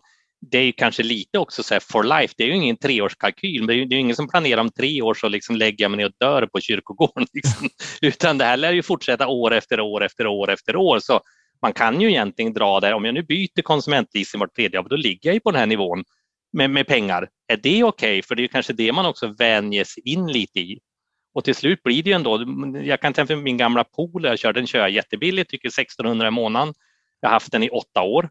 Ja, jag kör bara 400 mil var. Ja, men det är fortfarande 40 kronor milen i milkostnad på den för jag kör så lite. Mm. Ja, då är frågan, så taxi kanske var egentligen väldigt billigt om mm. i och med att den används så lite. Mm. Så någonstans kanske ändå, så jag är med, alltså att man känner efter vad, vad är det värt det här? Eh, för, för det där var en sån diskussion som jag vet inte var den tog vägen på forumet, men kan man säga att det är någon sån här, du vet, ja men har du 25 kronor per mil, då är det jäkligt bra eller så här 40, eller det finns liksom inga sådana tumregler? Tum, tumregler kan man säga, en vanlig genomsnitt, in, inte faktiskt Villa Volvo, utan kanske en storlek mindre, i så fall en Volvo V60 och inte en V90. En vanlig mellanstor bil, då är det ofta 30 kronor ish, plus minus ett par kronor. Är du ner mot 2025, det är knappt de allra, allra min, min, minsta billigaste klarar det om vi pratar nya bilar. Ja. Och upp och säger liksom the sky is the limit om man säger så. Men börjar du ta de här lite större, lite törstigare men ändå vanliga bilarna, då, då är du fort uppemot 40 kronor milen. Ja. Men, men, 30 kronor milen är en ganska normal, normalstor, lite mellan mjölkslandet. Då, då, men, men då kör du ändå ganska billigt. Ofta ja. är det 32-33. Ja. Ja. Ja, och väldigt få, det finns nästan inga nya som är under 25. Ja, ja men bra, bra vet så att man har liksom en känsla för det där. Bra. Sen hade vi en fråga här från eh, Lukas Fredriksson. Ponera att jag har tänkt eh, leasa en Kia och jag tänkte köra 2000 eh, år per, mil per år och sedan väljer, väljer att kliva upp från 1500 till 2000 mil när jag tecknar leasingavtalet. För detta lägger jag 449 kronor, men om jag istället väljer 1500 mil och sedan kör 2000 så betalar jag bara 11 kronor per övermil som är typ 460 kronor. Ja. Varför ska jag liksom teckna det högre Liksom. Den här satt jag och skrev till en igår som frågade. Eh, generellt sett, jo, biltillverkaren kan räkna fel, det rena. Så, så kan det mycket väl vara. Ja. Eh, men, men, många gånger handlar det om servicen. Hur mycket service har de planerat in? Och rent tekniskt så knyter de det som kallas ett serviceavtal till bilen och då bokar de in vissa många servicer och när de är förbrukade då har du inget serviceavtal längre och när du då lämnar igen den då fattas det en service och då helt plötsligt får du betala den cash om jag mm. kallar det så. Okay. Och sen är det även slitage på däck och liknande. Att när däcken skulle ha hållit om du har kört 4,5 nu när det plötsligt kört 6, ja då kanske inte däcksdjupet räcker. Då åker du på någon däck istället. Alltså någonstans har man ju vägt in alla kostnader och när du kan man säga försöker lura systemet, men då kan man vända på och säga de har ju varit lite dåliga på att kommunicera och förklara det och säga övermil så här eller men det är inte säkert det blir heller, för det beror på hur många övermil du gör om du lyckas kravla över den där gränsen att du fick göra en extra service på däcket. Ja. Så därför kan de inte sätta och säga kör du 17 mil över eller, så här, eller 17 kronor om du kör så här och 3 utan då sätter de en jämn. Men många gånger handlar det om service, service och däck och, och ibland räknar de fel. Ja, mm. ja men super. Mm. Bra. Eh, är det en fråga från Linnea? Att, att pendla, jag kör 13 mil fram och tillbaka två gånger i veckan, så det blir 3000 mil privat körning. Privatleasing av elbil presenteras som ett bra alternativ, men gäller det även vid höga miltal? Eller är det något tak att det, det förutsätter normal körning på 15-2000 mil per dag? generellt sett så brukar det inte vara lika förmånligt när man bara skruvar upp milen på, på avtalen. Och det egentligen här är ju helt enkelt för att då börjar tillverkarna stoppa in alla servicekostnader och det börjar bli högre sannolikhet för ett mer slitage, det händer saker. Alltså, mm. eh, så, så, generellt sett, de som har höga mil, vi ska börja prata 2 500-3 000 mil per år, då är, då är det betydligt vanligare att det faktiskt inte är så lönsamt att ha konsumentleasing. Ja. Eh, så det, det, är det som bäst på de här 1000, 1500, 2000. Okej, okay, perfekt. En fråga här, lång fråga från eh, Henrik som 79 från Forum, så jag sammanfattar mm. den. Han är så här, jag har vänt och vridit på detta länge. Eh, en elbil, den givna bilen för oss sparnördar som sparar halva vår lön, har familj och kör 1500. Jag tänker begagnad elbil, säg en Tesla Model 3 eller en långmilare. Inköp cirka 300 000, han skriver själv, lite lyckotänkande. Betala, betala av på fem år och därefter kör du bilen billigt tills den rasar ihop. Och sen har han lite frågor liksom här. Till exempel skatter, elbilar, kommer skatten höjas i framtiden? Även elbilarna måste ju dra in deg till statskassan. Vad tror vi om skatter på elbilar? Eh, eh, om man säger så här, nu, nu, nu blir det jättestort område. eh, generellt sett kan man säga att skattesystemet och bilar är så lagt kort ligger pacta sunt servanda sa man en gång i tiden. Alltså det vill säga, det som gäller vid, det, vid köptillfället, det ska gälla framöver. Så det, det är sällan man är och vrider på liksom bilar som redan är i trafik. Och då kanske en del minns på elbilar att försvann det blev dyrare vid, vid, förra, eller vid årsskiftet. Det var något helt annat. Det var en tillfällig nedsättning av förmånsvärde som togs bort på alla bilar. Det var kan man säga ett litet undantag, en liten specialgrej. I vanliga fall är bilen såld med viss skatt, då fortsätter den ha det. Sen kan man då vrida om hela skattesystemet, men man kommer aldrig att hoppa på de här tokkamla och så skruva upp skatten på dem. Ja. Det, det, det, det, är väl generellt så att säga, man kan säga. Eh, nu måste jag bara säga, och, eh, ja, men det, elpriset. Ja. ja, precis. Elpriset, vad tror vi om det? Elpriset, ja, som jag fattar det så här, Nordpol, det heter ju Nordpol, för det, det, det är liksom Skandinavien, som man säger, norra Europa. Nere i Europa är elpriserna generellt högre, så det finns ganska mycket krafter som jag har förstått när man vill koppla ihop det här och helt enkelt få sälj, köpa våran billiga el nere, nere i Europa.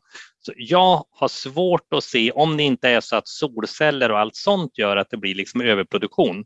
Men, men, men jag, jag i min egen värld så skulle jag inte kalkylera med lägre elpris, jag skulle snarare kalkylera med högre. För tar du även nätbolagen som äger ledningarna och allting, de ligger fortfarande ganska, alltså har mycket eftersatt utbyggnadsbehov och underhåll och grejer och vi ska stänga kärnkraftverk och allt möjligt. Så jag, jag ser inte att elpriserna sjunker utan snarare att de blir högre på sikt.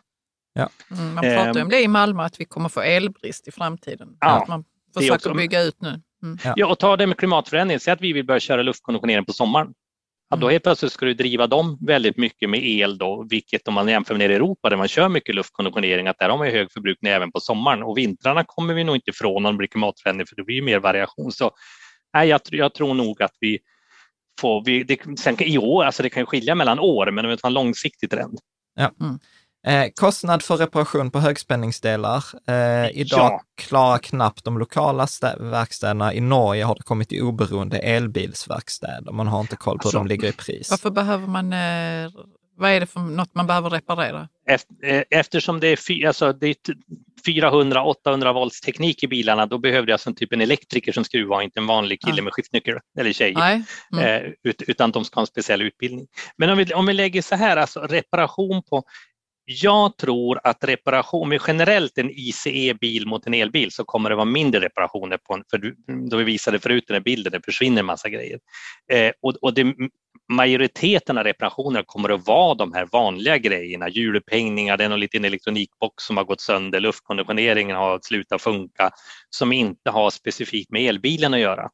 Och det, och det, tror jag ju man kommer att bli fler som gör, att du måste inte ha en superduper utbildad person för att byta en länkarm, för det är samma länkarm som sitter på en vanlig bil.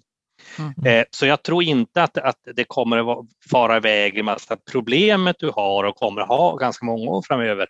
Det är att det finns inte så många som, som, som vill riktigt ta i de här, för, för man, tyck, man tänker att det är en elbil och man är lite, tycker det är läskigt. Mm. Så, så, att du har lite svårt att hitta någon, för, för det är klart, när du ska in och läsa av i själva med sig laddsystemet i bilen, batterisystemen, då, då, då, är det ju inte som en kanske läsa av en vanlig insprutning på en vanlig bil, lambdason som du hade på eran bil där. Eh, utan, utan då behövs, så att jag tror att det är mer där en brist på verkstäder som gör i så fall att det blir lite dyrare. Mm. Men han, han skriver så här, det ledde mig till att svaret är ja, har, har du lite tur eller en vanlig elbil blir betydligt billigare att köpa in och äga tills den trillar i bitar.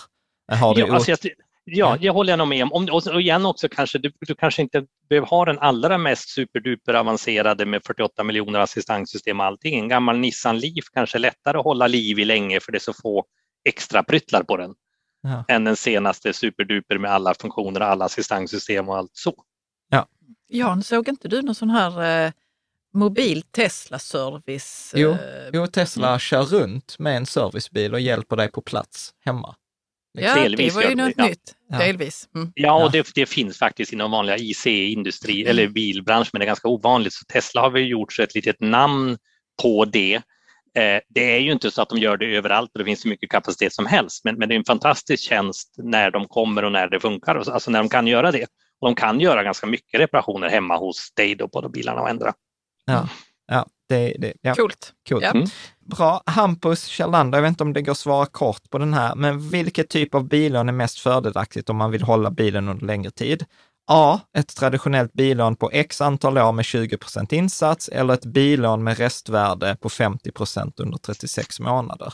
Kan man jag säga? Läste, jag läste den där frågan och som jag tolkar det, som jag förstår han, menar han mer att, att ta ett vanligt bilån eller, ta ett bil, eller göra något med restvärde? Alltså restvärdet är ju egentligen bara ungefär som eh, hur, hur ska man förklara? Egentligen ska det inte spela någon roll, för det du betalar ju ränta för pengarna du har lånat. Ja, så tänkte jag också. Ja, uh. Restvärdet är ju bara vad, att, att eh, mm, du behöver så att säga, bara betala ett vanligt bilån tänker du kanske ta 200 000 och betala ner till noll och så sprider ja. du det på 10 år, där det är 20 000 per år. Ett restvärde, du köper en bil för 200 000 och så kanske betalar ner till 100 000 för att bilen är värt 100 000. Men det, det, det är ju egentligen bara att du har ungefär amorterat på ditt huslån. Hur mycket ja. amorterar du? Det är det det handlar om. Huset är fortfarande värt vad det är värt. Ja. Så, jag, så jag, jag, är inte riktigt med på det. Det är den ränta du betalar och så jag skulle inte säga att det spelar ingen större roll för du amort, det är som att amortera på ditt huslån. Ja, jag, jag, håller, jag håller med. Och då blir det samma matematik på något sätt som det. Yes. Bra. Jag tänker att eh, här, där tar vi... Mm, mm, mm. Ja, vad Karin? Nej, det är... Ja, men det går de att välja frågorna? Ja, men det, det, det, går, det går bra. Men det är så Alla är lika så, bra. Ja, men det har varit så mycket frågor. Eh, här var det också en fråga, privat Bowser fråga. Eh, när man eh, lämnar tillbaka en bil på privatleasing så var det det här med skada. Och så mm. sa de att det är en självrisk för varje skada eller är det en total självrisk? Är det något du vet om? Det, det, man säger, nu, nu får man vända på Någon också undrar, så här, är det inte smart att göra en så förbesiktning? Man lämnar, kan man lösa vissa grejer? Jo, men det är jättesmart och många gör det. det är alltså, man räknar en självrisk per skadetillfälle. Och, men du kan ju inte få en buckla på förardörren och så får du en buckla höger bak och säga att det hände samtidigt. Och ska du då ta försäkringen, jo det kan ju teorin göra. Ja det kan göra det. Jag tänkte så, man sitter i bilkö och alla bromsar samtidigt. Ja, ja det kan, men om vi räknar normalfallet är ju att det är två olika tillfällen och därför är det i försäkringsbolagens värld två olika skador och då är det två olika självrisker.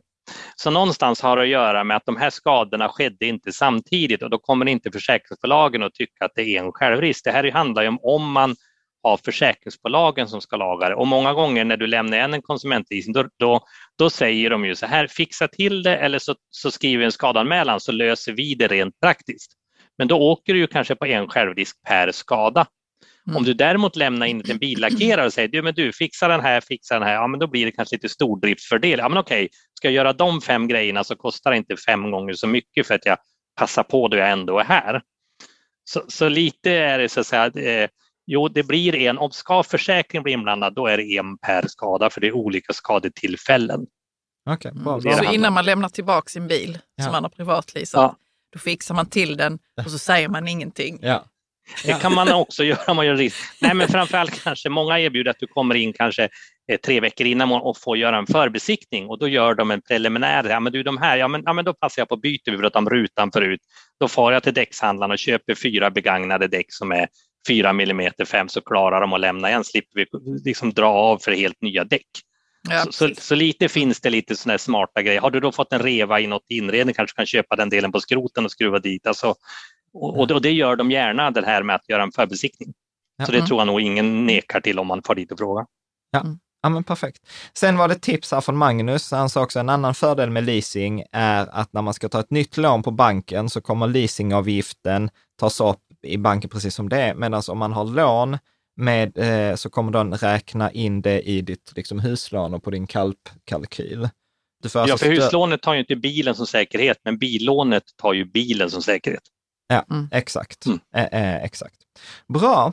Vet du vad, jag tänker faktiskt att vi håller där för att vi ska ja. göra ett bonusavsnitt där vi verkligen dyker ner i de här frågorna som eh, är kvar, som är så här Filip ja. Glebe, så här förmånsbil versus privatleasing, kontantköp versus finansiell leasing, alltså alla de här olika alternativen. Och där mm. tänkte jag att vi skulle eh, titta eh, på, att vi använder faktiskt vår bil som exempel. Vi har ju alla alternativen på bordet.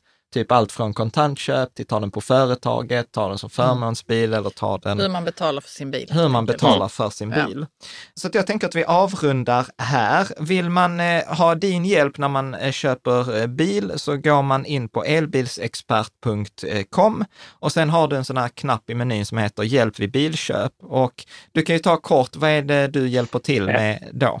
Då kan jag berätta att jag, jag har gjort så att då, då, då, tittar vi igenom kanske framförallt vilken bil du har idag, vad det har kostat och det blir lite så referenspunkten. Känns det här okej? Okay? Vill, vi ha det, vill vi ha det billigare? Vill vi ha det dyrare? Eller så här mycket det faktiskt kosta?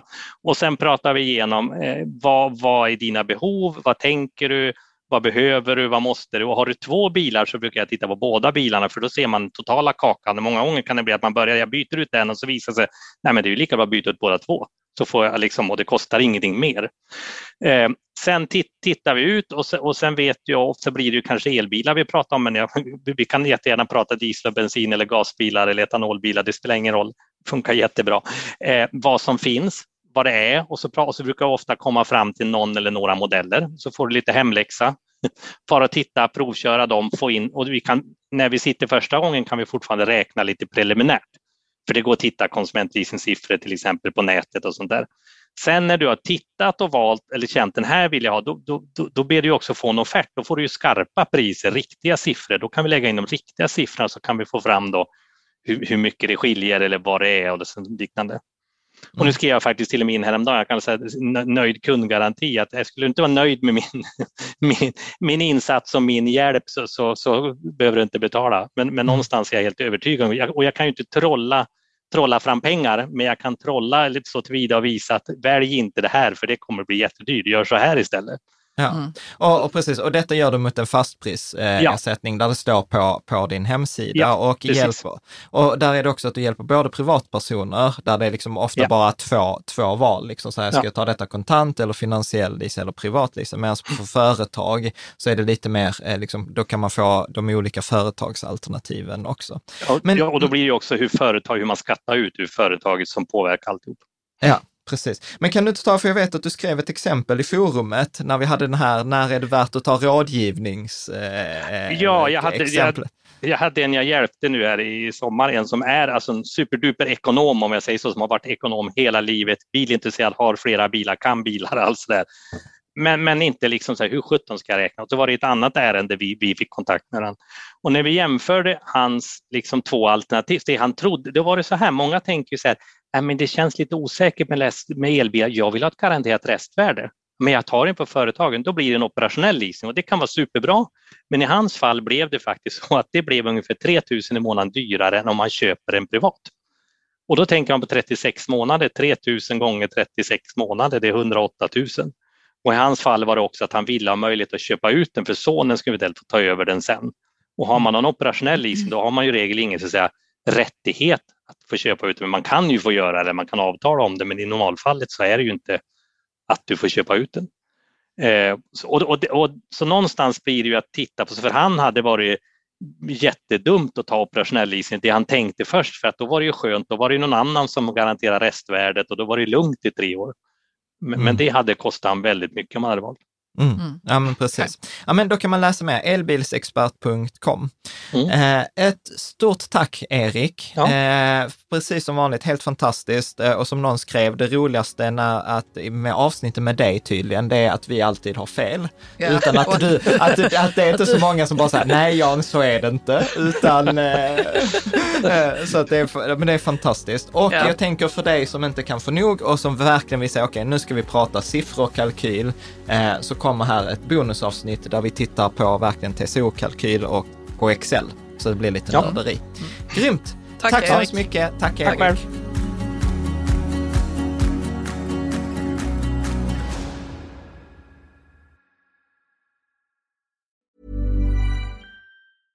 Imagine the softest sheets you've ever felt. Now imagine them getting even softer over time. That's what you'll feel with Bowl and Branch's organic cotton sheets. In a recent customer survey, 96% replied that Bowl and Branch sheets get softer with every wash. Start getting your best night's sleep in these sheets that get softer and softer for years to come. Try their sheets with a 30-night guarantee. Plus, get 15% off your first order at bowlandbranch.com. Code BUTTERY. Exclusions apply. See site for details. Mom deserves the best, and there's no better place to shop for Mother's Day than Whole Foods Market. They're your destination for unbeatable savings, from premium gifts to show-stopping flowers and irresistible desserts. Start by saving 33% with Prime on all body care and candles. Then get a 15-stem bunch of tulips for just $9.99 each with Prime. Round out Mom's menu with festive rosé, irresistible berry chantilly cake, and more special treats. Come celebrate Mother's Day at Whole Foods Market. When you make decisions for your company, you look for the no brainers. If you have a lot of mailing to do, stamps.com is the ultimate no brainer. Use the stamps.com mobile app to mail everything you need to keep your business running with up to 89% off USPS and UPS. Make the same no brainer decision as over 1 million other businesses with stamps.com. Use code PROGRAM for a special offer. That's stamps.com code PROGRAM.